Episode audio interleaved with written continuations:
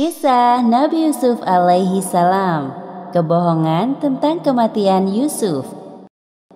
Kisah ini disebutkan dalam Al-Quran Surat Yusuf ayat 16 hingga 20 Pada kisah ini, kakak-kakak Yusuf mengabarkan kebohongan terhadap ayah mereka, yaitu Nabi Yakub.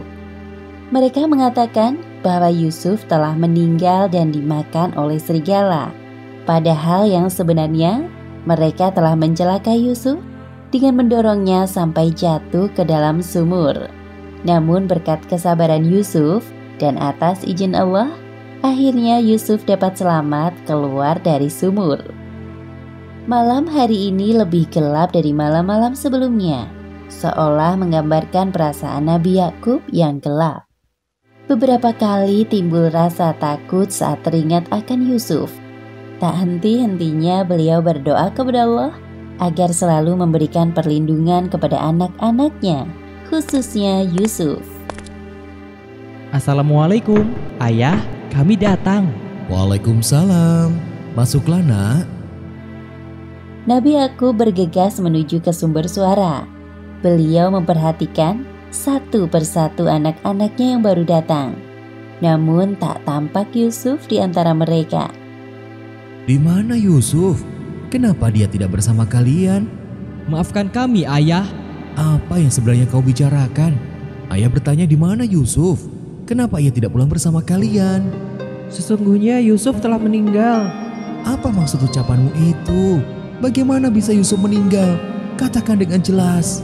Wahai ayah kami, sesungguhnya kami pergi berlomba-lomba dan kami tinggalkan Yusuf di dekat barang-barang kami Lalu dia dimakan serigala. Ayah, ayah, cepat ambilkan minum untuk ayah. Tenanglah ya, minumlah ini dahulu. Wahai ayah, tenanglah dahulu. Bagaimana ayah bisa tenang saat mendengar tentang kematian salah satu anak ayah? Jika itu terjadi kepada kalian, ayah pasti. Ayah, sekali lagi maafkan kami. Kami sungguh merasa menyesal mengajak Yusuf ikut serta. Apa ini? Seperti yang disebutkan dalam Al-Quran, Surat Yusuf ayat 18. Mereka datang membawa baju gamisnya yang berlumuran darah palsu. Yusuf anakku, ayah masih tidak bisa percaya. Wahai ayah, dan kamu sekali-kali tidak akan percaya kepada kami, sekalipun kami adalah orang-orang yang benar. Sebenarnya dirimu sendirilah yang memandang baik perbuatan yang buruk itu. Maka kesabaran yang baik itulah kesabaranku. Dan Allah sajalah yang dimohon pertolongannya terhadap apa yang kamu ceritakan. Kemudian Nabi Yakub berdiri dari duduknya dan masuk ke dalam kamarnya sambil memeluk baju gamis Yusuf yang berlumuran darah. Kak, aku sungguh merasa menyesal telah membohongi ayah. Aku juga, Aku kasihan melihat ayah seperti tadi. Ini kali pertamanya beliau menangis. Sudahlah, ini telah terjadi. Lagi pula, hal ini sesuai rencana kita, walau harus membuat ayah bersedih. Sebaiknya setelah ini kita bertaubat kepada Allah atas perbuatan yang telah kita lakukan terhadap Yusuf. Baik. Sepeninggal Yusuf, Nabi Yakub menjalani hari-harinya dengan kurang bersemangat, apalagi saat muncul rasa rindunya kepada Yusuf. Setiap hari, Nabi Yakub selalu berdoa untuk Yusuf setiap kali rasa itu muncul. Ya Allah, ya salam, maha penyelamat makhluknya. Hamba mohon, jika Yusuf masih hidup, berilah perlindungan kepadanya di mana pun ia berada. Sementara itu, keadaan Yusuf semakin mengenaskan. Meskipun begitu, Yusuf tetap sabar dan terus berdoa kepada Allah.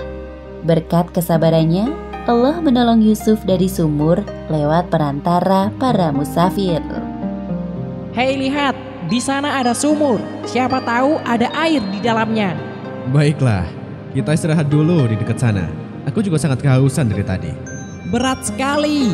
Hmm, wahai saudaraku, mengapa kalian hanya duduk tanpa membantuku sama sekali? Memangnya berat sekali mengangkat air dari sumur itu. Hah? Oh, kabar gembira. Ini seorang anak muda. Ada apa wahai saudaraku? Mengapa engkau berisik sekali? Hei, kalian, tolong bantu aku mengeluarkan anak ini. Para musafir itu bersama-sama menolong Yusuf keluar dari sumur. Setelah kenyang meneguk air sumur, mereka meneruskan perjalanan. Sedangkan Yusuf ikut serta bersama, seperti yang disebutkan dalam Al-Quran, surat Yusuf ayat 19. Kemudian mereka menyembunyikan dia sebagai barang dagangan, dan Allah Maha Mengetahui apa yang mereka kerjakan. Hmm, ramai sekali pasar ini. Wahai saudaraku, sepertinya anak muda ini dapat kita jual di sini. Ya, aku sedang mencari siapa kira-kira pembeli yang cocok. Pada masa Mesir kuno, bukan hal yang aneh melihat anak seumuran Yusuf bekerja atau diperjualbelikan sebagai budak. Coba lihat, bangsawan itu sepertinya dia sedang mencari sesuatu. Wahai saudaraku, coba engkau tawarkan kepadanya. Baiklah, akan aku coba. Kalian tunggu di sini. Wahai Al-Aziz, aku perhatikan dari tadi. Sepertinya engkau sedang mencari sesuatu. Aku punya seorang budak. Dia anak muda yang tampan. Siapa tahu engkau berminat mempekerjakannya di rumahmu. Hmm, biarkan aku melihatnya dulu. Kemudian musafir itu mengajak Al-Aziz menemui Yusuf di rombongannya. Pada saat melihat Yusuf, muncul rasa senang dalam hati Al-Aziz. Tanpa banyak berpikir, beliau menerima tawanan musafir. Berapa engkau menjualnya padaku? Sebagaimana yang disebutkan dalam Al-Quran, surat Yusuf ayat 20. Dan mereka menjual Yusuf dengan harga yang murah, yaitu beberapa dirham saja, dan mereka merasa tidak tertarik hatinya kepada Yusuf. Terima kasih Al-Aziz. Sekarang anak muda ini menjadi milikmu. Sama-sama. Wahai anak muda, siapakah namamu? Namaku Yusuf. Hmm, sebuah nama yang indah.